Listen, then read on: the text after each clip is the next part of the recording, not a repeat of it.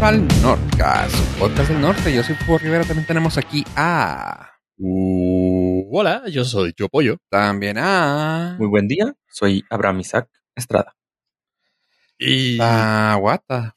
tengo ya la, la segunda, tengo la respuesta de la segunda pregunta secreta. Y nací el primero de enero de 1980 y tantos. Y mi primera mascota se llamaba Willy y eh, el apellido de mi madre de soltera Wonka. es Wonka. y ¿qué más? Ah, eh, mi primer maestra se llamaba Georgina. Ah, nacimiento, lugar, no, lugar de nacimiento de tu abuelo paterno. Eh, creo que por ahí por Cuauhtémoc, un rancho de Cuauhtémoc pueden ponerle, Un rancho de Cuauhtémoc. un rancho de Cuauhtémoc. No sonaste muy, muy eh, acertado en esa respuesta, así que no creo que sea. No, es que ni yo sé cómo se llama. Y Ya me atoré ahí. Pero lo bueno es que antes te daban varias opciones de escoger preguntas. ¿Ya no? Eh, no sé, es que voy a spoilerear, pero yo les pongo, así como las contraseñas se generan así números aleatorios y letras, también genero las re- respuestas a las preguntas entonces ya agarro cualquiera. Entonces no sé ahora si, si las sigan dando.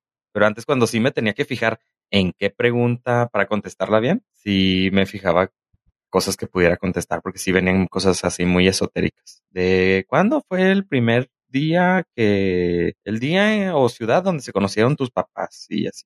Pero como ahora le puedes poner, o sea, con los gestores de contraseñas, puedes generar contra- respuestas aleatorias a eso, entonces ya, y las guardas, entonces ya ni siquiera las tienes que responder con tu información a esas preguntas. Sí, y es una maravilla, ¿eh? Como alguien que ha tenido que recuperar cuentas recientemente para hacer logins, ok. este, sí, el gestor de passwords es una maravilla. Sí, Vaya, el niño está creciendo ya. ¿Ya lo estás usando? Sí, pues ya tengo Ah, rato. ya tiene rato, sí, ya lo habíamos evangelizado. Sí. Pero Correcto. me, me da gusto cuando lo dice, güey. Sí, es que Ah, nuestro, Es que es, es práctico. El problema fue cuando se me olvidó el password del gestionador, Ah, ah, pues también está canijo. pero un, un momento de introspección y como 10 minutos de rezar y lo recordé.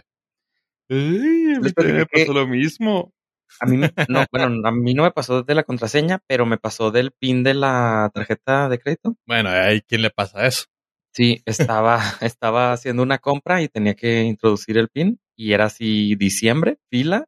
Todavía fue, me acuerdo que fue en Toys R Us. Entonces estaba llenito y luego me dice, introduzca su pin para pagar. Y yo, así blanco. Y luego me dice, le digo, ¿sabe qué, señorita? No recuerdo, permítame un segundo. Y me dice, no se preocupe, tome su tiempo. Y como y la que... gente de atrás viéndote. Sí, y luego la gente así que, mm, y si había filas, y eran varias personas las que estaban esperando a que funcionara mi memoria, pero lo logré.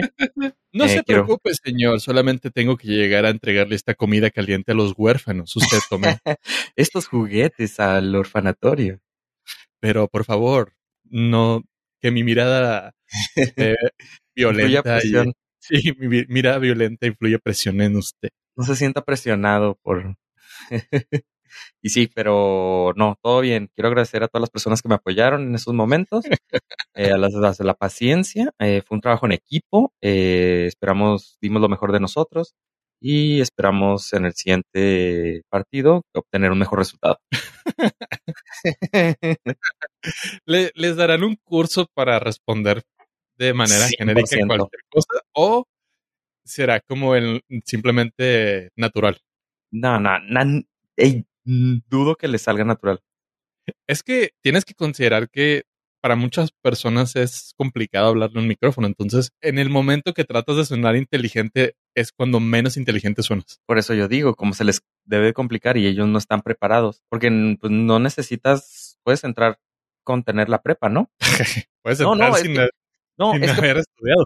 Sí, es que, es que eso tiene que ver, porque ya ves que en la escuela dice uno, ay, ¿para qué tantas exposiciones? Pues es para precisamente para eso, para que te relajes un poco más en hablar en público. Entonces, si no tuviste tanta práctica en un lugar, entre comillas, seguro, que es la escuela, entonces supongo que varios a lo mejor no están tan bien preparados en esa cuestión. Y yo digo que sí les deben de dar. Es claro, un curso de una hora, es o sea, es nada más.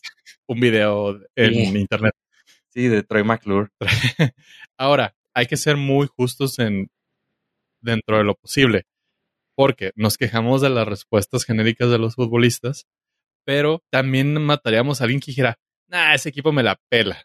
O sea, no hay manera de que esos güeyes nos puedan ganar, son unos pen. O sea, no, también.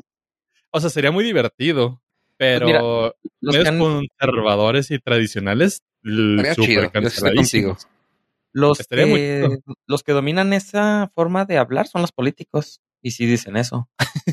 Ah, recientemente. Sí, o sea, sí, sí, sí es pro- probable que lo puedas decir siendo políticamente correcto. Creo que aquí lo hemos dicho. Que de alguna otra forma. de- Sí. Sí, sí, sí, claro. Cuando hablamos de películas, tratamos de hacer lo, mejor que podamos políticamente correctos. Oye, pero bueno, hablando de una cosa que ahorita estás comentando, Pollo. Se me hace muy interesante que luego poderles dar a la gente, así empezando el, el podcast, a qué gestionadores de passwords poder recomendar cada quien. O pues así, los que están más allá en el mercado, cada quien supongo que se aco- se acopla con cada, ca- con cada cual. Se me hace algo interesante. eh, yo usaría el que esté en el más popular. En gran buen, in- buen intento, Zuckerberg. ¿No quieres que te dé mi contraseña también? Ay, ay. Yo usaría el mejor gestionador de password que se llama papel y lápiz. En Barnes Ah. Noble venden una libreta que puedes Sí. anotar ahí tus contraseñas de internet. Ajá. True story, sí lo venden. Sí, sí lo venden. Y ese no es recomendable. Eh, existen varios. El más famoso es One Password. Luego creo que está Pass- LastPass. Uso. Y luego debe de haber otro. Eh, ¿Qué era? Dashlane. Y luego debe de haber otro que debe ser Bitwarden. Bitwarden. Ajá. Entonces, pues es el. Ustedes busquen, pero sí, creo que el. Aunque sientan más más a gusto, o sea, yo lo estoy, com- yo lo comento ahorita, chavos, porque pues sé que nos escucha mucha gente que luego es de, güey, pues es que luego hablan de, puras cosas así. Y ahorita que dijiste tú, pues se me hizo muy, muy buen tema, o sea, de recomendar a la gente. Eh, hay gratuitos, casi todos tienen una forma gratuita de usarse. Yo utilizaba las PAS, pero por alguna razón yo lo tuve que dejar y es la razón, es que empezaron a cobrar por algunos, por uno de los servicios que yo utilizaba bastante. Y me movía los que son, pues, ¿cómo son? Freeware, no, son Premium. open source. Pero el servicio que utilizabas bastante era hackear a los demás. Sí, claro, ¿no? ¿Por qué? Porque por eso cobran. Entonces tienes que pagar. Ah. Ay, bueno, sí, no, yo utilizaba uno de los servicios que, que empezaban a, a querer cobrar por utilizar algo que era freemium. Básicamente me, me hicieron la del drug dealer y fue así de, está padrísimo, úsalo. Y ahí, te- ahí estoy dos años usándolo y luego, ¿qué creen? Vamos a cobrar por todo esto, pero todavía puedes usar esta cosita. Eh, ok, gracias. Adiós, adiós. Si ustedes utilizan sistema operativo iOS y macOS, pueden, y nada más utilizan Safari, pueden utilizar el gestor de contraseñas de ahí. Y Ah. también está, Está muy bueno. no está al 100, pero es buen inicio, por ejemplo. el- ¿cómo se llama? El keychain. No, se llama Safari something. Es que el keychain es, eh, es iCloud keychain, pero el de Safari es diferente. Ah, ok, no sabía que tenían uno específico. Sí, guarda las contraseñas. y, eh, eh, De hecho, el problema de ese es de que no es una aplicación independiente. Es Ajá. una aplicación que está dentro de preferencias, dentro Oh. de Apple ID, y luego ahí está, ahí está dentro, pero sí es complicado de utilizarlo si no estás así bien metido en el, en el ecosistema. Ecosistema. Y también está limitado porque, por ejemplo, no te permite agregar notas o varios dominios para una sim- um, misma contraseña, etc, etc, etc. Pero es buen inicio. O sea, es muy básico, pero ahí la llevan. Órale, no sabía que existía eso, gracias. Pero sí, este. Y luego van a decir ustedes, ¿y para qué voy a querer si usan mismo password en todo? Eh, justamente por eso. Sí, pues con ese te evitas la necesidad de acordarte de la misma contraseña siempre y entonces le puedes poner una contraseña diferente, complicada de adivinar, y nada más necesitas una sola contraseña para entrar a ver tus contraseñas. Y incluso ya cuando lo empiezas a utilizar así eh, habitualmente, no, ya nada más te sabes una sola contraseña, que es la, entre comillas, maestra, y ya ninguna contraseña de tus cuentas te sabes, porque empiezas a agregarle, ponerles contraseñas así al azar. Ajá. Sí, eh, en, en macOS entras a preferencias y dice ahí contraseñas o passwords y accesas con tu contraseña o tu Touch ID y ahí tienes un sistema básico de contraseñas. También incluye el Authenticator, que es el token ese que se genera cada 20, 30 segundos. Ajá. Entonces, Muchos de esos lo traen ya, algunos no. Pero es que este es el- literal, ustedes hablan desde su privilegio. Para la gente de a pie, híjole, no saben la, la ansiedad que da no saber tu password. O sea, no tener control sobre el password que escribes. Y ta, esta es un proceso complicado de Sí. asimilar. sí, sí, muy sí. complicado. Porque dices, ok, como casi me pasa, se me olvida el del, el del password generator o el del el gestionador de passwords. Y le digo, ¿y ahora? Entonces empieza un problema ahí psicológico de decir, es que yo no tengo control sobre mis passwords tampoco. Y Pero pues es entonces, si se te olvida uno, ya, ya creo que tendrías más problemas que tendrías que porque- ir al doctor. No, no, porque se te puede olvidar porque no, no lo usas. Por ejemplo, si lo usas con huella o con Face ID, pues realmente lo escribes muy poco o nunca. Y pues si por alguna razón se te llega a desconfigurar algo y luego te dice, ah, claro que sí, pon tu password y tú, eh, dame un segundo. Entonces, sí, sí, literal, sí es un privilegio que con el que ustedes ya crecieron porque son la chaviza de la nueva generación. Pero los, de la los de la vieja escuela sí nos da mucha ansiedad no saber cuál es tu password. Bueno, yo sí porque sí me acuerdo de mi contraseña Yo principal. sí, porque tengo memoria. Y justo estoy ahorita viendo cuántas contraseñas uso así. Tengo 158 que no me sé. Justo. Damn, Es que hace poco- 253. sí, hace poco hice una depuración, entonces voy agregando, Ah, ok. conforme voy usando, voy agregando otra vez al, a, a la lista y llevo 158 Oye, que he eh, utilizado y que no me A mí me pasó que, por ejemplo, Porque yo sí, estaba... de 32 caracteres así ya. ¿Me escuchan? Hello. La menos importante que se tiene que memorizar ahorita es la de su cuenta de la criptomoneda wallet. Chale. No, no vale nada ahorita. Usted no se preocupe, puede gritarla, salir corriendo y gritarla y nadie va a entrar a ver. Nadie la va a querer. Sí, eh, para todas aquellas personas que no están al día con el, es- eh, las noticias financieras, Pollo, ¿tienes algo que comentarnos? Sí. Eh, ¿Estás triste?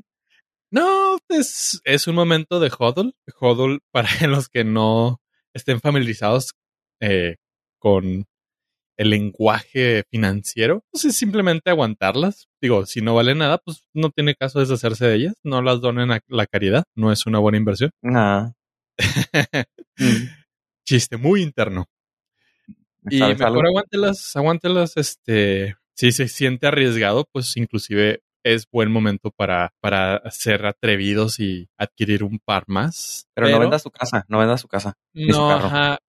O sea, lo que le puedan llegar a invertir es aquello que les sobre después de haberse comprado ese chai latte mocha espresso con chispitas de chocolate. O sea, lo que le sobró, con eso cómprese dos bitcoins Ah, y su avocado toast. y su avocado toast. Siempre sí. dicen que nunca debes de invertir lo que no puedas perder. Y aquí está Pero- la, Sí, la la prueba, ¿no?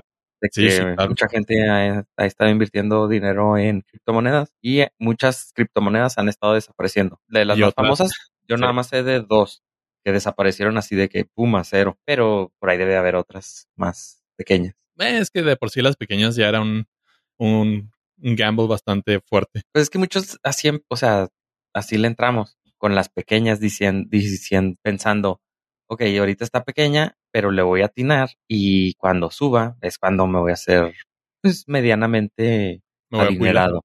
Soy rico, rico. moderadamente adinerado y voy a poder comprarme algo. Pero es, muy chistoso el efecto de la criptomoneda porque estaba viendo un historial de, por ejemplo, el Ethereum y ahorita dices, es que no vale nada. y lo hubieras visto hace tres años y hubieras dicho, estoy en mi máximo histórico, qué fregón. Entonces, sí, tocaron, tocaron el cielo y ahorita están en niveles de hace dos, tres años, pero... De hecho, nosotros lo vimos cuando estaba así a dólar, ¿no? Así a dólar. O menos. Y Sí. empezó a crecer, crecer, crecer, crecer, crecer, crecer. Ujú. Ya inalcanzable. Inalcanzable hasta ahora. Oye, luego el servicio que utilizo yo para donde tenía mis, bueno, tengo mis ah, criptomonedas, ah, no sé cuándo empezaron, supongo que fue con tanta fluctuación, mandan correo al final del día con el estatus, así de que ya no me da risa de que bajó 5% y lo bajó 10 y hace como tres me llegó así de que bajó 20 y yo, ¿what? Ya me metí así de que, ay, pobre, pobre Bitcoin, o sea, tan fuerte que estabas. Pero Sí. téngale fe, téngale fe, re- recuperará. Está en una Eh, recesión. Lo único que, lo único que sí le dio medio en la madre fue al concepto de "Ja, las criptomonedas están ajenas a la inflación. Y no necesariamente. Si estuvieran Sí. ajenas a la inflación, no tendrían precio en dólares. ¿Sabes? Entonces, sí, se, rom- se rompió un gran mito ahí. Sí. Y no invierta dinero que no tiene. No invierte dinero que no pueda perder. Es como Las Vegas, o sea, no vas a ir a hipotecar tu casa para jugar en la maquinita. ¿Qué? ¿Cómo? ¿Cómo? ¿No se debería hacer? ¿Ustedes no hacen eso? Ah, Eh, tampoco, sí. ahora resulta que no, tampoco te puedes casar de un día para otro ahí con una persona que conociste ahí, No, eso sí es recomendable. como Homero Simpson y Flanders. Oye, aunque tengas 10 años de conocer. Sí, eso, eso es muy recomendable, sobre todo porque todo el mundo sabemos que si te casas en Las Vegas, únicamente vale en Las Vegas. Entonces, saliendo de, del corredor de los, de los hoteles, estás nuevamente soltero. Saliendo de Nevada. Sí. Deja. No que te cae bien Derbez, güey. ¿Para qué andas hablando de él? ¿Se casó en Las Vegas? ¿Te casas en Las Vegas? Ah, bueno, no, no era el chiste. Continúen. No, entonces. Pero Nunca se dos, casó con la mamá de José Eduardo. Ah, no, está muy oscuro ese, sí. Sí, sí. No, háblame es, es un chismesote así que si conoces Yo- a la familia de Derbez, sabrían eso. Yo, Pues yo soy. claramente eh, no. No, no, pues no. Yo, yo soy, no sé, güey, de RBD para acá, güey. Sí, a mí háblame de... Sí, güey. con eh, los, que, y eso. los que hablan de LOL, los que hablan de películas de Derbez. Ok, está bien. Una cosa es que te guste lo que él hace y otra cosa es saber de su Obvio. vida. Está bien, está bien. Pero a ver, bien. vamos a hablar de tu Derbez. Sacó una De- película tu Derbez que yo hablé y que te sentiste mal representado. Sí. Me sentí ofendido porque yo traté de hacer lo mejor para representarte, pero claramente ah, tú no tenías tiempo para ver a tu ídolo No, y ahí no, estoy pues es- yo haciendo tu papel, o sea, Ay, disculpa, lo que pasa es que pues a veces uno no tiene tiempo para de ver a sus ídolos. Está bien, de, está de bien. ver a sus ídolos en el momento que sale, ¿verdad? Hay compromisos del adulting, pero eh, no, nada más para quería retomar este esta conversación porque escuché en las redes que muchas personas todavía no le tienen fe a pesar de la magnífica reseña que hizo nuestro compañero y corresponsal Fofo Rivera acerca de la película de Hustle con, con el, el brillante Ah. primer actor Adam Sandler. Pensé que no te ibas a acordar del nombre, pero como hiciste una pausa, dije, ¿qué? ¿No se acuerda? No, quise ensalzarlo un poquito más. ¿Eh? Pero eh, habiendo dicho esas, esas bellas y sabias palabras y dándole el reconocimiento que él merece, me di a la tarea gracias a la recomendación del señor Fofo Rivera, exclusivamente, no porque Adam Sandler en sus papeles, en realidad todas sus películas me gustan verlas, no todas me gustan, excepto Jack and Jill. Jack and Jill sí no pude, sí, fue demasiado. y sale con Derbez. sí, ¿verdad? Ahí está, a punto que no te ¿Quién gusta. sabe? No, no, no, no recuerdo, la verdad es que es así de plano, sí. ahí- ahí. Bueno, pero todo el mundo tiene que comer. Ok, Hustle, eh, 92% flat se ha mantenido en Rotten Tomatoes por una razón justificada. Qué pedazo de película. Fofo no se equivocó al decir que la actuación del joven promesa española, eh, el Juancho Hernán Gómez, que se me hace mucho ya como su apellido está es compuesto, Hernán Gómez, o los americanos no saben que los latinos tenemos dos apellidos. Puede ser cualquiera de las dos. De verdad, dense, dense una oportunidad. Está en Netflix. Es de lo que yo he visto últimamente en Netflix que más vale la pena. La, la forma en que se expresan los expertos de básquetbol es, es muy refrescante. Es, es una película que, que alcanza a dimensionar lo que es en realidad el mundo tras bambalinas de la NBA. Lo difícil que es acceder a ella, lo, lo complicado que, es ganarse un puesto en un equipo de, pues de, NBA, de, primera división. Me resonó mucho con el, con el, la docuserie que, hizo Colin Kaepernick, que también hablamos aquí, acerca de, toda la competencia brutal, casi inhumana que se hacen entre los jóvenes prospectos para llegar a esos contadísimos puestos donde eh, es bien complicado y, es difícil de explicar de una manera de es un tipo de explotación humana pero súper bien remunerada y son oportunidades que se les dan a, a promesas deportivas y, y atléticas donde es una, una en un millón, pero si la cuajas, tu vida es, es otra para siempre. Y obviamente pues, no, no todos están preparados psicológica y mentalmente para eso, pero la película, o sea, abraza todos esos conceptos de una manera muy humana y vale muchísimo la pena que le den una oportunidad. Yo honestamente pensé que Juancho era actor eh, antes de ser jugador. O sea, yo de plano, para empezar, pues como te comenté, no conozco nada de básquetbol. Pero cuando lo vi dije, oye, qué buen papel hace. O sea, yo, este güey es un buen actor. Qué bueno que consiguieron un güey alto. Y ya leyendo sobre, la- sobre esto, o sea, eh, contrataron una maestra de actuación, mm, Noel Gentil, Noel Gentile, no sé cómo se puede decir, pero bueno, Noel Gentil eh, le enseñó tanto a él, a Juancho, como a, creo que a Anthony Edwards, sí, la forma de actuar. Y lo chido es de que, pues, o sea, dice cómo tuvo todo que, que aprender, ¿no? O sea, la forma en que aprendió, muchos tips que le dijo que, por ejemplo, a este güey le dijera a Bob, a Bob Cruz, a Juancho, que por favor escribiera una carta a su hija como un papá que lo, por, de por qué su papá lo dejó. O sea, de que, güey, pero ¿cómo? Sí, quiero que tú escribas como si fueras Bob Cruz una carta a la hija de Bob Cruz de por qué tu papá te dejó y por qué te sientes así. Y este güey dice, güey, eso me dolió, güey, empecé a sentirme triste y la fregada. Y ya cuando empezamos a ahondar, eh, me dijo, esos son ejercicios de actuación, para que veas y lo, güey, o sea, está, se me hizo muy suave, o sea, se me hizo muy, muy padre cómo pudo platicar sobre su camino a, a la actuación y sea lo que sea.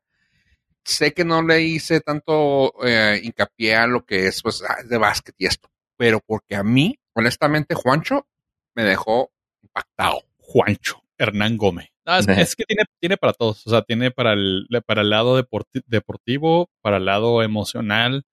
La actuación de, de, Juancho está con madre. La actuación de Adam Sandler en sus papeles no, no pendejos, pues está también bien chido. Este, hasta Ben Foster, que la hace del, del hijo del dueño, dices, hijo de tu, o sea, neta, o sea, estoy seguro que así son los, los hijos de los dueños de los equipos.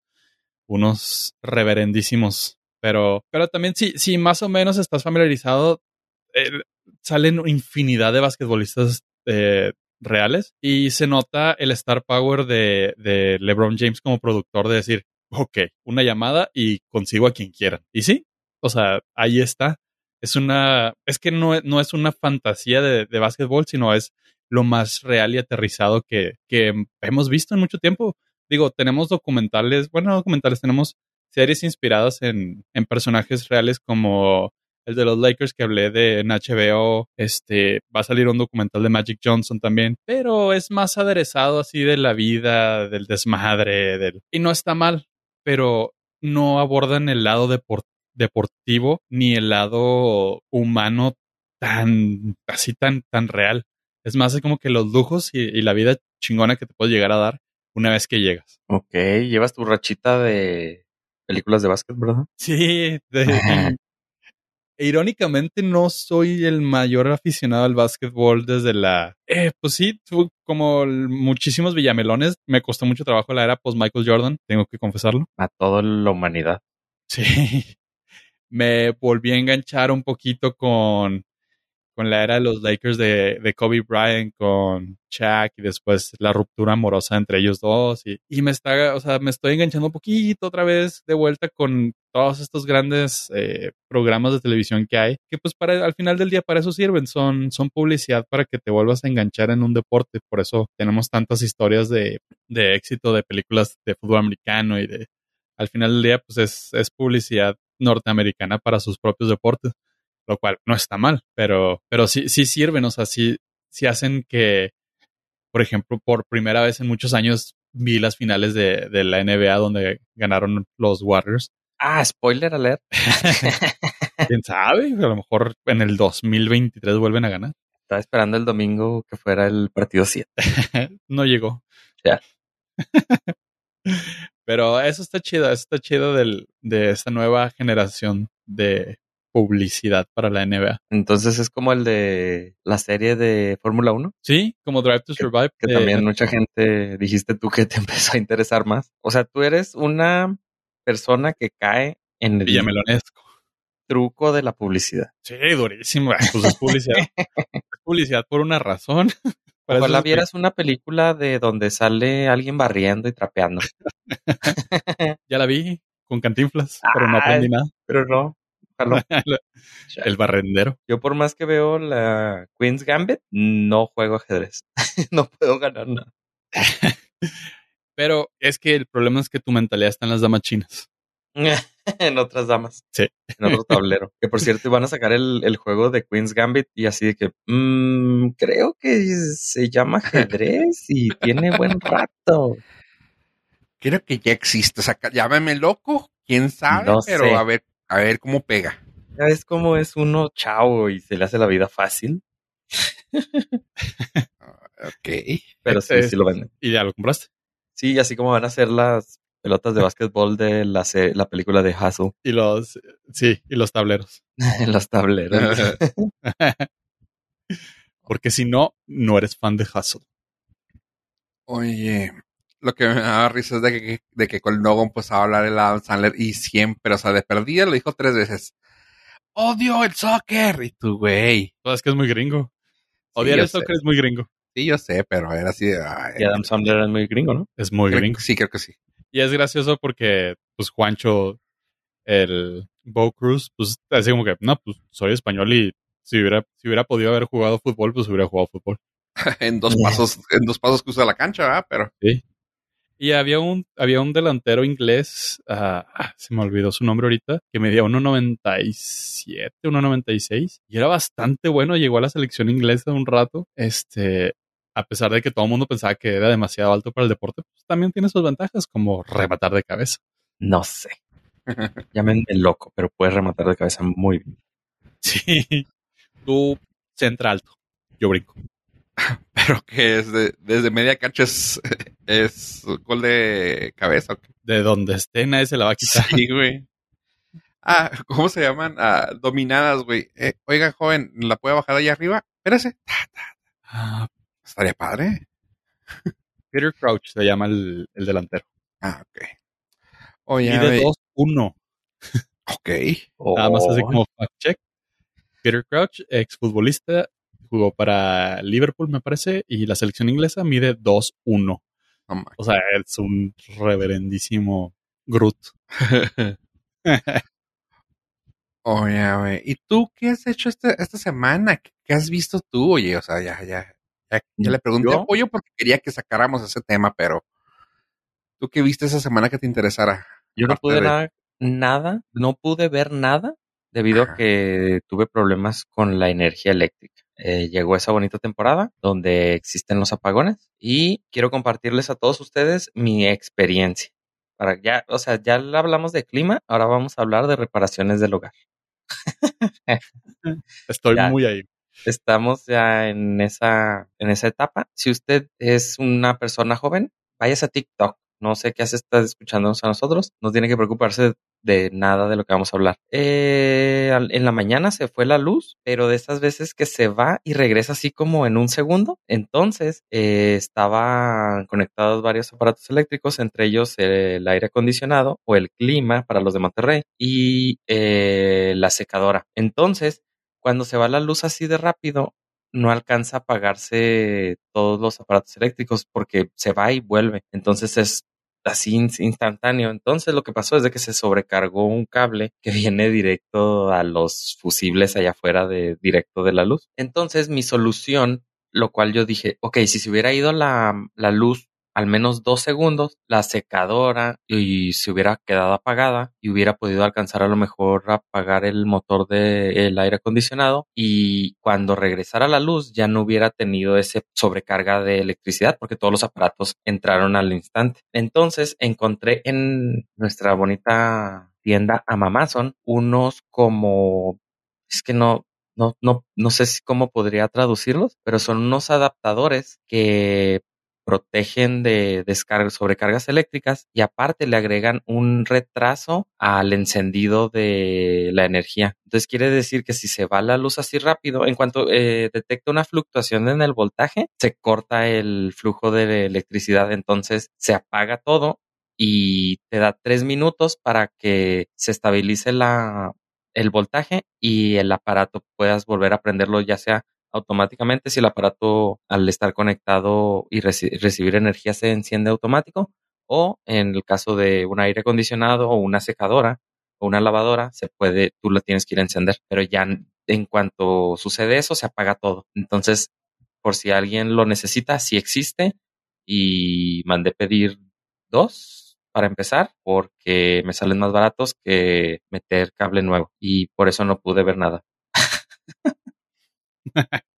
bueno, pero le hiciste de Bob el constructor. Sí, sí, sí, sí. Eh, esos aparatos cuestan 20 dólares. Entonces ahí tú puedes conectar, no sé, tú a lo mejor tienes tu extensión así con varios aparatos eléctricos conectados, pones ese entre la luz y todos tus aparatos y eh, tienes otro nivel de protección extra. Entonces para las personas que tienen ese tipo de problemas como yo, también, o sea, lo voy a poner a lo mejor en el refrigerador, en, en donde tengo más aparatos conectados, donde está la lavadora y secadora. Y si se va la luz, ya prefiero yo ir a encender todo manualmente que volver a suceder, que, me vuelva a suceder eso, que, que se me queme los cables. En futuras semanas les estaré diciendo si funcionó o no.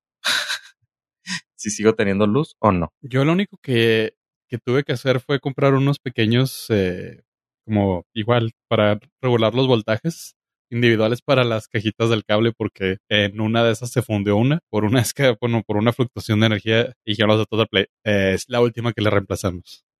Eh. la otra le va a costar. Entonces sí. tuve que comprar estas chiquitas individuales, nada más para la cajita esa y pues ya, no, sí han aguantado bien. Pero pues nomás te cuidan del, de los... De, los picos, ajá. Ajá, de los picos y ya. Si se va la luz, pues se va todo. Sí, pero e, ese, es que yo tengo de esas, o sea, tengo todos lados donde puedo para evitar ese, esos problemas de picos de, de, voltaje, pero esta vez se fue la luz y regresó, entonces supongo, o sea, si hubo un pico, o sea, a lo mejor no hubo pico porque 120. un, un Everest. Ajá, fue 120 volts y los cero y luego otra vez 120, entonces fue, fue para abajo. supongo que eh, protege para arriba. Pero no, entonces lo que quiero es de que se va a cero, aunque sea un milisegundo, que se apague todo y ya yo me las arreglo. Pero sí, el Ah, problema ¿no es ¿Es peligroso si sales de viaje? ¿Por qué? Porque se apague todo. Ajá. Pero mm, que, o sea, la secadora y lavadora van a estar apagadas. ¿Un refri, por ejemplo? Ah, es que se enciende, te da tres minutos para que se encienda. Solo. O sea, si, si en tres minutos ya ve que no hay variación, o sea, ya no Ah, hubo, ok, deja, deja ya no. pasar la corriente. ajá, ya te deja pasar la corriente. Ok, ok, esa era la parte. de- como dijiste que tengo que encender todo manualmente, dije, Sí, por ejemplo, la, la, la secadora está encendida, se va la luz, vuelve, se queda ahí apagada. Entonces ya tengo yo que ir a encenderla o me espero tres minutos. No, de hecho, esa no me vuelve a encender. Pero es que como se fue tan rápido, como que siguió, eh, quedó encendida. Está muy raro, muy, muy raro. Pero Es que a veces no eso. es que se vaya completamente Ajá, y lo gacho es que nomás tiene que ser así como que un bajoncito. Simón. O sea, es de que se va, o sea, de 110 como dices, se baja a 30 y vuelve a subir. Y es de Eso. que, güey, o sea, sí, es que de hecho lo alcanzamos a veces a ver con los focos. Bueno, ya con estos no. ¿Sabes? Con los que pasaba con los de resistencia. Simón. Que se alcanzabas a saber y dices, ay, ¿por qué se ve tan parda la luz? Y luego, y tú, Justo eso.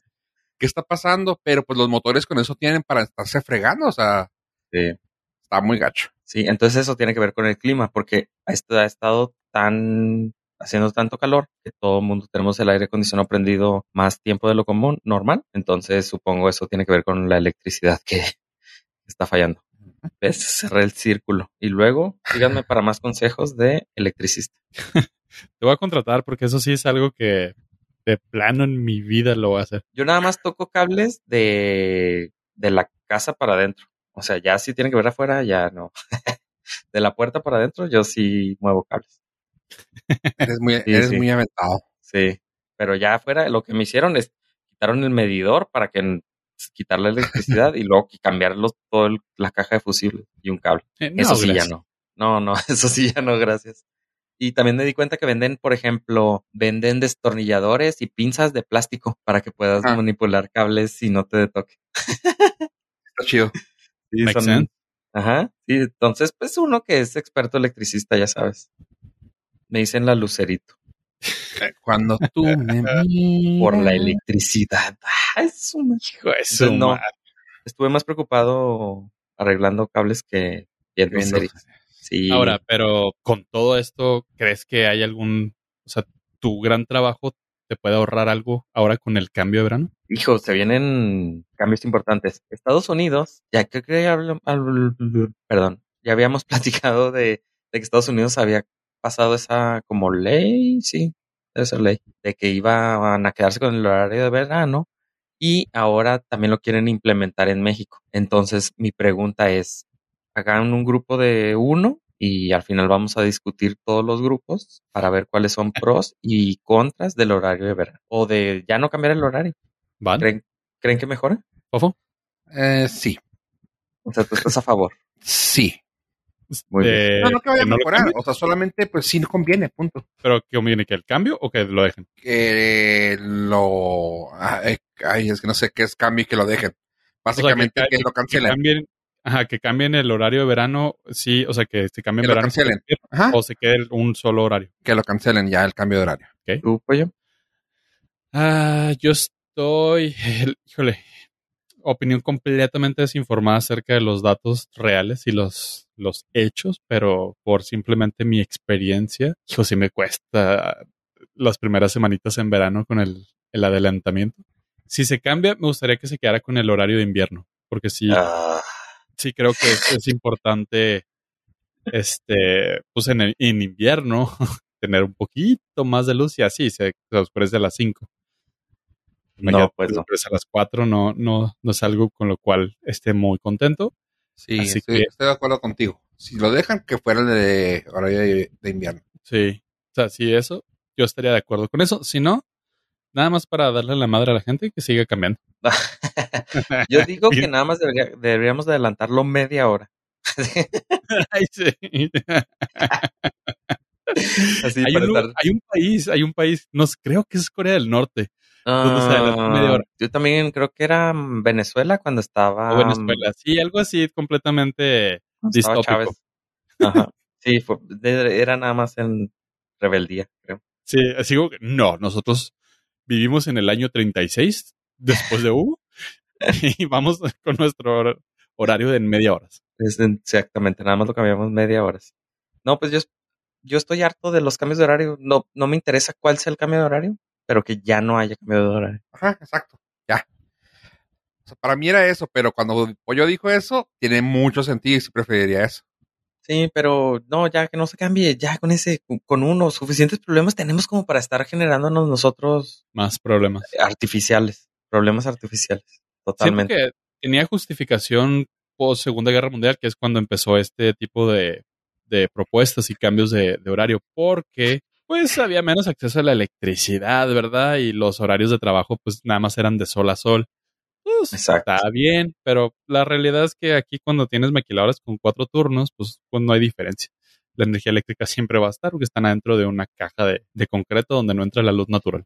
Y los focos ya no son de resistencia, como dice Fofo, son de LEDs, ya gastan muy poquitos watts, ya hay menor consumo, no en- es- pueden tener el foco prendido todo el día y no va a consumir no más que un porcentaje de un dígito de lo que antes consumían, así que ¿Sabes una cosa que también tiene que ver? Y aquí es donde nosotros estaríamos sufriendo. Que si nosotros, si lo cambian en todo México, la frontera va a sufrir. como por Porque tenemos a los vecinos de lado. Y aquí la frontera trabaja mucho con Estados Unidos. pero ¿por qué vamos a sufrir? No entendí. Porque van a seguir cambiando en el paso, ¿no? No, No. pues ellos ya lo van a, o sea, se supone que Pero nosotros se- lo vamos a cambiar por ellos. Ajá, o sea, la idea fue suavizada en esta administración y parece idea original, pero en realidad nada más están siguiendo la tónica que viene de, del De vecino del norte. Del norte. Pero sí. sí se va a hacer porque ya tengo mucho que lo escuché. O sea, por eso No, mismo sí. lo estoy diciendo.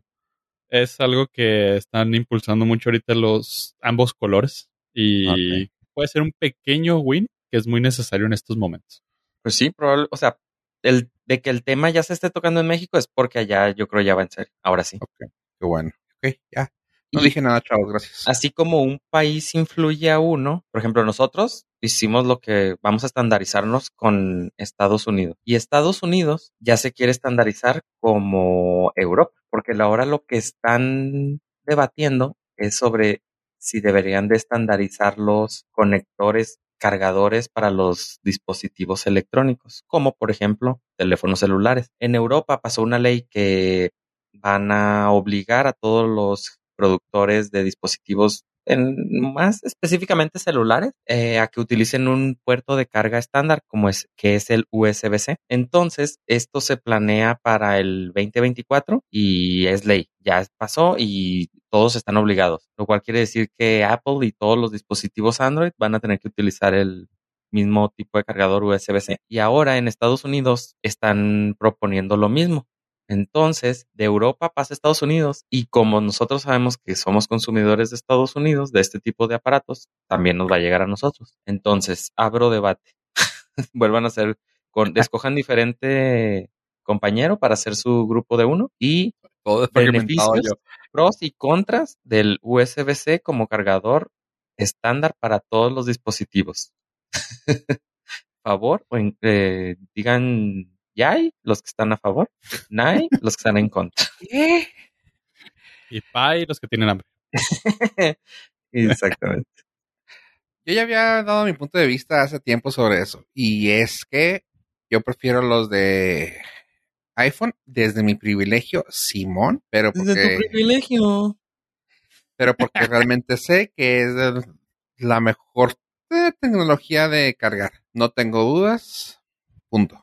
Nada más. ¿Tu ¿Pollo? pollo? ¿Algo que nos quieras compartir? Claro, ¿Todo- todo bien en casita? Sí, todo bien en casita, gracias a Dios. Eh, pero como un usuario común y corriente que se ha, se, pues, se, se ha puesto en situaciones complicadas en el día a día, super yay. Necesitamos que todos sean iguales porque así le puedes pedir a tu vecino, compañero o cualquier persona que tengas confianza suficiente, no importa que tenga Android o iPhone, decirle, préstame tu cargador Eso sí. que es, es un problema muy real. Sí, Sí, es- eso sí. Entonces, eso pues, está chido. Sí, porque ahora cuando piden cargadores, ¿cargador de iPhone o cargador Ajá, de exacto. Android? Entonces No, sí. Suena mamón, pero es muy raro conocer a alguien, o sea, que te topes en la calle, alguien que te va a decir, ah, yo tengo el de iPhone. No es por nada, pero sí es como que pase de que, no, no, nadie trae aquí de ese. pues sí, tiene uno que andar cargando. Eh, desde mi punto de vista, considero que está bien el USB-C, o sea, que ya haya un cambio, pero el problema que yo también le veo, o sea, es poquito problema que yo le veo. Digo, eh, va, no va a haber tanta innovación dentro de ese campo, porque por ejemplo, del micro USB al Lighting que utiliza Apple, digo, ah, pues sí, sí hubo ahí innovación y ellos quisieron ahí meterle su, sus mejoras, pero el Lighting ya tiene 10 años entonces ya se le empiezan a ver sus defectos y considero que el USB-C ya está tomando más terreno como para empezarlo a utilizar en los dispositivos de Apple. Pero, pregunta, o sea, yo sé que puede ser sonar un poco, in- no sé, difícil de comprender, pero yo lo que entiendo es que simplemente es, o sea, la forma y los principios, pero tú puedes hacer un USB-C de Apple más perrote que los specs chingones extras no le funciona el Android ya, pero sí lo va a cargar y ya. O sea, simplemente estás compartiendo el mismo enchufe, el mismo tipo de, de, de forma para poderlo conectar. Pero eso no limitaría necesariamente la innovación. O sea, seguiría siendo un USB de Apple que trae mejoras, pero también te puede cargar básico un, un Android y viceversa. Mm, creo que de arriba, o sea, del más, con más eh, cosas, carga el más débil. Pero si uno es muy básico, no carga el más avanzado, ¿sabes? Ah, sí, sí. Pero digo, que sean como que, que sean como estándar de, ah, esos tres micropins que traen, esos son para cargar. Ya lo demás que le quieres poner y tu teléfono lo quiera leer y todo, ya, oh, chido. Pero tienen que cargar todos por igual, porque al final del día de eso se trata, de que Sí. puedas usar cualquiera y no tengas que estar con el desperdicio electrónico tan, tan fuerte. Sí, bueno, actualmente ya existe. Se llama Thunderbolt y es, son los cables que traen las algunas Mac y algunas iPad. Creo que, creo que sí. Las iPad Pro traen Thunderbolt y es el mismo conector tipo USB-C. El problema es de que, por ejemplo, si tu computadora necesitas cargarla y alguien te presta un cargador de celular, no va a cargar porque no le da el mismo guataje a tu computadora. Pero si tú traes el cable de tu computadora y te lo presto para tu celular, sí va a funcionar. Es lo que te digo, del básico al avanzado no va a funcionar. Pero Digo, eso, eso se entiende, de que pues, obviamente el voltaje de una, de una, de una laptop, una PC, pues, es más, más churro. Pero eh, eh, creo que esto debería de enfocarse en celulares. sí, creo que va principalmente para eso. va. Ajá. Sí, para computadoras creo que todavía está un poquito más abierto, pero son para dispositivos más pequeños y tienen principalmente celulares.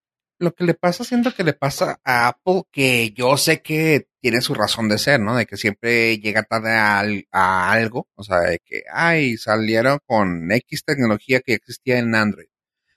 Esto ahorita con los cargadores también se me hace algo que se durmieron en sus laureles. O sea, es de los mejor, es el mejor cargador que hay. Ya se le nota que ya está fallando, pero pues sí, o sea, se, se durmieron en sus laureles de que, ah, con eso tenemos. Y ahorita ya hay cargadores muy chingones de USB-C que se están rifando bien cañón. Si tan solo la siguiente generación, ahorita estamos con USB-C, pero si la siguiente generación se pusieran las pilas, estaría chida que sacaran una nueva versión del, del Lighting. Sí, yo digo que se esperen a USB-D Ah, o al, o al E o al F. Mira, en reparabilidad, para mí es la mejor, lo mejor que hay, Lightning. O sea, punto. O sea, honestamente, a la gente que les llega a fallar un iPhone, nunca es de eso.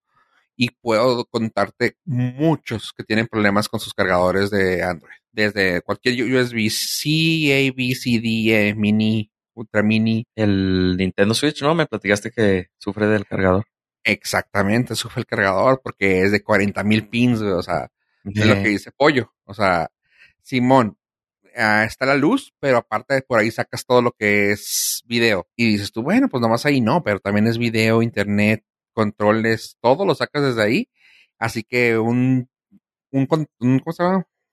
un componente que normalmente sería de, ah, déjame, te soldo seis piezas, acá son como 40, güey. O sea, es que no mames, o sea, perdón Switch, pero no mames. Y luego dijéramos, no, pues lo estás haciendo para que sea reemplazable. No, no, no, no. Este viene microsoldado, micro, microsoldado. Muchos, lo que, muchos de los que están haciendo, por ejemplo, celulares tipo Samsung, ah, Samsung, Cha- no, motor, no, Xiaomi, Samsung y Xiaomi hacen que los cargadores vengan aparte. O sea, los, si mandas, mandas a comprar una tabli- tablillita que ya viene ahí el puerto, lo quitas, o sea, lo quitas con un cablecito, lo pones, lo vuelves a atornillar, cierras y listo. Pero, por ejemplo, el Motorola sí te viene soldado, así que tienes que reemplazarlo con, con baño de calor, limpiar todo, volverlo a pegar y todo. Y dices tú, ah, ok, está bien, pero insisto, un iPhone es muy raro que te falle, o sea, es darle una limpieza, se acabó. Si te- se te falla es porque tal vez se te cayó en agua de mar y tú nunca te diste cuenta o le entró una, le entró coca, algo, o sea, le entró algún tipo de líquido y le echaste a perder. Pero de ahí en fuera, que te fallen, no. Ya, y te digo, aparte el USB-C, por más rígido que lo hagas, sigue siendo dos laminitas de fierro alrededor con unos contactos adentro. Y una madre de plástico adentro de la laminita ah, exterior. O sea, se rompe. Y si no se rompe el cargador, te va a romper a ti la tablillita de adentro de tu celular. Básicamente es lo mismo que un, si lo piensas, es lo mismo que un Lightning para iPhone, pero al revés. Sí, pusieron el componente como más rígido, lo pusieron por fuera, ¿no? El lighting lo tiene más, más rígido, sí. Sí, el lighting, el lo tienes rígido porque lo, es el que tienes el cargador. Y si se te rompe, se te va a romper el cargador. No se te va a romper el sí. teléfono. Que normalmente es de que, ay, es que lo dejé colgando del... Y se te rompió la, la entrada USB-C. Sí, Así que sí, yo, yo sí me voy, o sea, como dice Pollo, qué fregón que todos se queden igual. O sea, pero aquí el que debería de ganar o el que debería ponerse las pilas sería Apple para poder decir, ok, ok, ahí les va el mío, ahí les va el mío. abierto para todos. Bueno, pues perdería Eh, lana y Eh, ahora se va a fregar. O sea, qué, qué tonto, ¿no? O sea, lo abro, o sea, lo, lo vendo a eh, pinche precio baratísimo. Y la, eso, no sé cómo se podía manejar, no conozco cómo, pero güey, prefiero mejor que utilicen mi en patente a tenerme que comprar a otros y te cambiar todo lo que tengo hecho. Pues sí, pero Eh. cada, cada compañía dice lo mismo. Historia del iMessage eres tú. Eh, pues sí, pero en este caso, por ejemplo, todas las compañías dicen lo mismo, pero no todas las compañías tienen algo, ¿cómo se llama? Como lo tiene iPhone, que es una patente sobre algo que pues, es suyo. Todos los demás usan USB-C. O sea, ¿qué pasó con, por ejemplo, Sony cuando sacaba sus cosas muy de, ¿cómo le llaman? Pro- proprietary. Propietario. Ajá. De que, ay, traemos el nuevo cargador que utiliza Y- Dolby Atmos. las, memory stick, ¿te acuerdas? Sí, güey, o sea, Sony era muy de esos, o sea, de que, ah, mira, sacamos un nuevo que está bien fregón. Y, güey, no te sirve de nada, güey. Mini disc que ellos lo inventaron. Simón. Qué pena. Ah, Clarice. los iPhone, los iPhone, los celulares que sacaban Android, bueno, creo que todavía sacan uno que otro. O sea, son una chulada. O sea, creo que fue uno de los primeros celulares que sacó pantalla 8K. No me acuerdo si fue 8K o 4K, pero creo que sí fue 8K. Así de que, ah, es que es para cine. Y la cámara es una red, pero más chidita, más chiquita. O sea, ah, qué fregón, güey. ¿Y hay reemplazos? No, no, no, para nada, pero pues está fregón. Ah, o sea, no es, no es reparable. No, no, no, para nada. Ah, ok. Considero que todos deberíamos regresar a utilizar mini disc, que era el dispositivo más cyberpunk que existe en el mundo. La Más sí. idiota, más idiota, pero divertido. Es que es, es un disco compacto dentro del plástico de un disquete. Genial. Y era lo más parecido a traer pokebolas. Sí, así que ¡chum! te, las podía aventar de, de así de, de una esquina del salón al otro y no Sí. pasaba nada. Y luego te las colgaste así en el cinturón. Sí, vamos a empezar a distribuir el Norcas en minidisc. Ok. Eh, y creo que no tengo dónde quemar un mini disc. No te preocupes. Eh, A ver, vas- creo que- Creo que no tengo dónde reproducirlo. no te preocupes, nomás tú recíbelo y vas a ver. Ok. Vamos a. Y si no, pues te vamos, lo vamos a entregar en aparato Zoom. Sí, ¿Qué tal y los- vamos a estar ahí en la fila del puente. No, en la feria. Vamos, vamos a Ah, en la feria ahorita. Sí, sí, tenemos un, un puestito ahí en la feria. Que debo recalcar, mi predicción nunca falla. Bendita feria. Bendita, bendita feria en Ciudad Juárez. Para los que no son de, de la frontera, hay un fenómeno meteorológico que se llama lluvia de feria. No es cierto. Y no importa qué fecha llegue la feria a Ciudad Juárez, llueve. Gracias a Dios, ayer llovió. O sea, Bueno. tuvimos dos años que no vino la feria y no llovió en dos llovió años. Ninguno. No, es que, es que ha pasado particularidades donde llegue, o sea, la feria era de junio. Llegaba en junio y llovía. Ah, ok. Pero luego se retrasaba a julio y llovía. Y luego una vez se retrasó hasta septiembre y no llovió en el verano hasta septiembre. Y yo digo, ¿es la feria? Ok. Alguien, este, se me hace que la única explicación que yo le encuentro es que de los terrenos donde se pone la feria, que es la Plaza de la Mexicanidad, alguien entierra cuchillos hasta que llegue la feria. los taqueros. Es Sí. culpa de los taqueros. Y eso, el efecto de la rueda de la fortuna con los cuchillos enterrados. No, no, es que los quitan para poner los, los juegos. Ok. Se va a la feria y los vuelven a enterrar. Oh, hasta que se quita el cuchillo es cuando llueve, que no es cuando lo Sí. entierras. No, los entierras para que no llueva. Ah, cierto, cierto. Entonces se van los taqueros y dejan sus cuchillos ahí. Exactamente. Ah, ya, ya, ya. Esa es eh, mi tesis, próximamente mi TED Talk. Mi disertación la pueden encontrar. Eh, voy a pasar, no voy a hacer maestría, voy a pasar directamente al doctorado.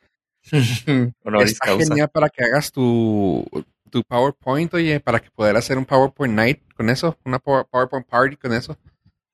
Ser. Party. Fíjate, yo soy el que menos puede burlarse de ir a fiestas porque no he ido a tantas fiestas, pero a la que sí nunca se me hubiera antojado ir es una PowerPoint Party. En serio. Sí, dudo, dudo. Suena muy este. No, no. Está muy chida. eh, no lo dudo, pero con eso me quedo con tu comentario. Ah, Confío en ti Confío en y en tu sí. experiencia. Nos mantienes al tanto. oigan, Y luego, a ver, comenten. Sí. Quiero que por favor platique Pollo sobre una película de carros. Y no, no es Rápido y Furioso. Ahí es el primer error, pero lo dejaremos pasar. ¿Ah? No puede haber películas de carros más importantes en esta vida que Rápidos y Furiosos. Exacto. Pero habiendo dicho eso, hay una, hay una noticia que me llama la atención y quiero platicarla con ustedes, muchachos. Y con los- todos nuestros Nord listeners. ¿Han jugado el videojuego de Gran Turismo? Claro que sí. ¿Cómo olvidarlo? En esas épocas estaba RBD. estaba rebelde. y Entonces, sí, oye, ah, sí, pues te estoy. ¿Por qué dudaste? Pues si te estoy dando datos duros. dije, a lo, a lo mejor más lo estás haciendo por convivir. No es cierto, no, te estoy diciendo. O sea, esa es la época en que veía RBD después de que llegaba de la escuela, de las clases de la tarde, y jugaba en un PlayStation One mucho Gran Turismo. Nice. ¿Tú, Fo? Sí lo jugué, pero me aburría. O sea, mejor me fui a jugar Grand Theft Auto. Por favor. Sí, me imaginé. No, no, el, el Pikes Peak, uff, la pista más complicada. Sí, pues mi experiencia un poquito cercana a la de Ave con el PlayStation eh, One, pero en realidad me aficioné con el, la versión del Gran Turismo 3 del PlayStation 2. Ok, no, no, es ya. Ya, era- era- era otro- hiperreal. Hiperreal. El Gran Turismo es un videojuego de simulación de carreras, pero a diferencia de otros, es lo más, y, por decirlo de una manera muy ambigua, real. ¿Lo más que. Pollo? Eh, Más real. Es que, pues sí, o sea, le puedes hacer modificaciones que en la realidad no funcionarían, pero ahí aprendí que era un clutch, donde iba. Aprendí que si le cambiabas el, el escape, le aumentabas como 15 o 20 caballos de fuerza. Es cierto. Y pues ha- había modificaciones reales que le podías hacer a los vehículos para, para hacerlos más veloces, pero pues nada más se trataba de carreras. Sí, no, está, no está al nivel de simulador, pero no, no, es lo es más el- real, el arcade Ajá. más real. Es, eh, sí, sí, sí. Pues es que sí, trato de pensar en otro, por ejemplo, Need for Speed, pero esos son más fantasiosos. No, ese no. Este, ni se llega al Grand Theft Auto, que ni siquiera se trata de carreras. Creo que es, creo que es lo más cercano a un simulador sin ser simulador, como dice Ave. Correcto. Bueno, la noticia, ah, bueno, nada más un comentario chistoso. Traté de jugar el Grand Theft Auto 6 en el PlayStation 3. Lo compré, no jaló, lo devolví. Mm, pensé que era el disco, no sé, eh, lo devolví, terminé gastando ahí en un Whataburger. Después me prestaron, eh, un familiar me prestó su juego en físico, lo volví a instalar y no corrió. Dije, a carambitas. Y recientemente lo pude bajar de la tienda en línea Redes sociales. y tampoco corrió. Ok. Entonces, El- definitivamente mi PlayStation 3 ya no era capaz de correr el Gran, Gran, no, Gran Turismo 3, 6. ok, es que hubo como varias versiones del PlayStation 3, ¿no? Sí, hubo como 3 o 4. Eh, pues Entonces ya la mía, como era la OG, ya no, ya no dio. Supongo que era demasiado potente el videojuego. Es que sí Pero- tenía una... Ah, Es que no, Y gráficas muy buenas. estaba...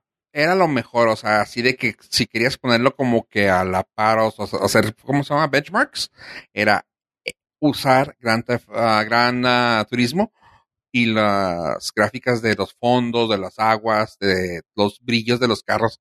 Es de, güey, neta, ¿por qué tanto detalle? Pues porque podemos. Se me Sí, hacía sí. muy increíble eso. Pues la noticia rara que traemos eh, a colación con este tema es que va a haber una película live action de, de ese juego. Y mi pregunta es, no entiendo para dónde va la, la historia.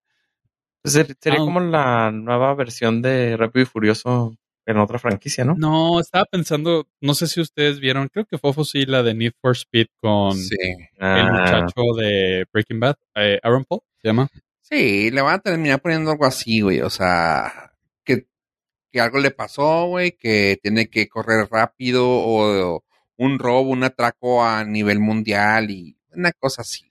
Está, está chido, pero a diferencia de Need for Speed, es, son carreras callejeras, aquí todas son carreras profesionales de circuito, entonces, pues sí tendrían que eh, aventarse un trabajillo ahí más, más inteligente para, para que suene ligeramente relacionado con el videojuego, pero el director que está encargado ahorita se llama Neil Blomkamp. Blomkamp. Y quizás ustedes lo puedan reconocer por, Por- Distrito 9, Por basuras. Elysium. Chapi, y ya no tengo la menor idea de las, de las demás. Cosas que son medio, o sea, Chapi, Elysium y Distrito 9 son películas de futuros distópicos, entonces eh, no sé para dónde pueda ir esta, esta onda, pero pues se agradece, creo. Eh. Ah, está difícil, dude, porque mira, todas las películas que él ha hecho en su tiempo, desde 2007, que es cuando empezó a hacer más ruido con la película que, con el corto que sacó de Halo, que era Landfall, y luego empezó a hacer a, ¿cuál otro hizo así? Ah, Hizo como dos así de Halo que quiso así como que levantar la mano para, hey, véanme, aquí tengo algo, está chido. Y así de, "Mm, no, no nos gusta. O sea, como que lo veía a Microsoft y era de, ah, órale, chido. así como que Homero sí. dando vueltas Ah, ahora, enfrente de su mamá y Lisa. véanme, véanme. Ajá, o sea, de, ah, órale, chido, ahí sigue jugando. Luego sacó Distrito 9, Elysium, Chapi, Distrito 10, o sea, creo que también hizo algo de Alien, pero no sé en qué, a qué, en qué nivel. Pero bueno, la cosa es de que el vato no es bueno haciendo cosas, güey, aunque haya escrito las que te dije, o sea, él escribió Elysium, Chapi, Distrito 9 y... Ay, hijo de su madre, güey. Sí, no, no, no se, no se caracterizan por ser buenas películas y están raras. logra hacer cosas medio raras, incómodas, la de Chapi, güey, o sea, qué bueno que le dieron chance a estos vatos de poder hacer algo, pero al mismo tiempo es de, güey, no, o sea, pues no, no, no, no está suave, o sea, punto. Ah, así que que haga esta película que nadie le ve pies ni cabeza, es como, güey, pues tampoco tiene, nada, no es de huevo, ¿eh? Yo le- es que yo le veo dos futuros nada más, dos, bueno, más bien dos posibles escenarios. ¿Qué? Una que sea gran turismo distópico, donde el mundo ya se haya ido al carajo y nada más es como que, como un este Mad Max en carros, no sé, para entretener a la gente. O que este güey en realidad sea muy fan del videojuego y del, del automovilismo y diga, es mi oportunidad de brillar en algo completamente diferente. Ah, ok, entonces no, no vemos futuro. Sí, ya No vemos entendí. futuro. Ok. Nah. Resumen. En resumen, sí, o sea, si tuviera que apostar dos bitcoins que ahorita valen como 10 pesos, Ah. diría, no, no le veo, no le veo por dónde pueda tener una buena trama. Ojalá me coma mis palabras y haya invertido esos dos bitcoins en cosas. Ah, pues una pizza, como la en el 2005. Ay, oigan, chavos. Pues nomás así rápidamente quiero comentarles de una serie que me estoy aventando. Me gustó, pero al mismo tiempo es de... Ahí se las pongo, básicamente. Ah, no sé si algunos de ustedes alcanzaron a saber, a leer, a conocer quién era Nancy Drew o cuál era su, su papel o quién, pues sí, escribieron sobre ella. No tengo ni la menor idea. Nancy Drew es un, carac- un personaje eh, ficticio de, o sea, pe- vamos a decir como Tom Clancy, que hacía sus películas así de, de guerra y que le ponían nombres, por ejemplo, ¿cómo se llama la que hizo Tom Cruise de este güey? Ah, Jack Preacher, ¿así va? O Preacher. Sí. Bueno, esa. Este, por ejemplo, así de que Jack Preacher y la madre. Pues aquí fue esta Nancy Drew. Era una, ah, pues la que se conocería como investigadora o espía en aquel entonces. O sea, te estoy hablando tiempos 1930, 40, 50. Ah, sí, de ese tiempo han sacado muchas series al respecto. Y pues la última serie salió en, en WB, bueno, en W- CW, que ahorita está, pues la pueden ver en HBO Max. Ah, y pues tuvo, eh, está padre porque todavía sigue. Pero bueno, ahí les va. Ah, sacó un, salió un spin-off de ella.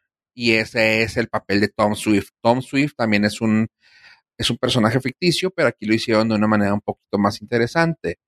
Ah, este vato era así como que un vato muy inteligente que inventaba, estoy hablando también de los 1900, principios de 1900, 10, 1920, que aquí le decían, no, es que él inventó el carro, la bicicleta, el avión y la madre en aquel entonces, que tenía un, que tenía un avión, que tenía un mega, mega microscopio, que telescopio que podía ver hacia varios planetas. Y, o sea, era un pinche inventor marca diablo, ¿sí? Pues aquí en la serie de, Nancy y Drew, pues salió una, un ojillo ahí del vato y sacó su spin-off. Está padre, está padre, pero como todo, a la gente no le gusta que le metan personajes que no son. Se están aventando algo muy, muy Netflix. De decir, ah, ok, mira, este vato, como es inteligente, pues vamos a ponerlo afro, afrodescendiente. Ok, está bien. Todos van a ser, todos van a ser afrodescendientes. Ok, está bien. Pero aparte, hazlo gay. Ok, sí, y luego que tengo un guardaespaldas, güey, pero sabes que contratemos a un, a un actor que ya hizo la transición. Ok. O sea, ya sé como que, ok.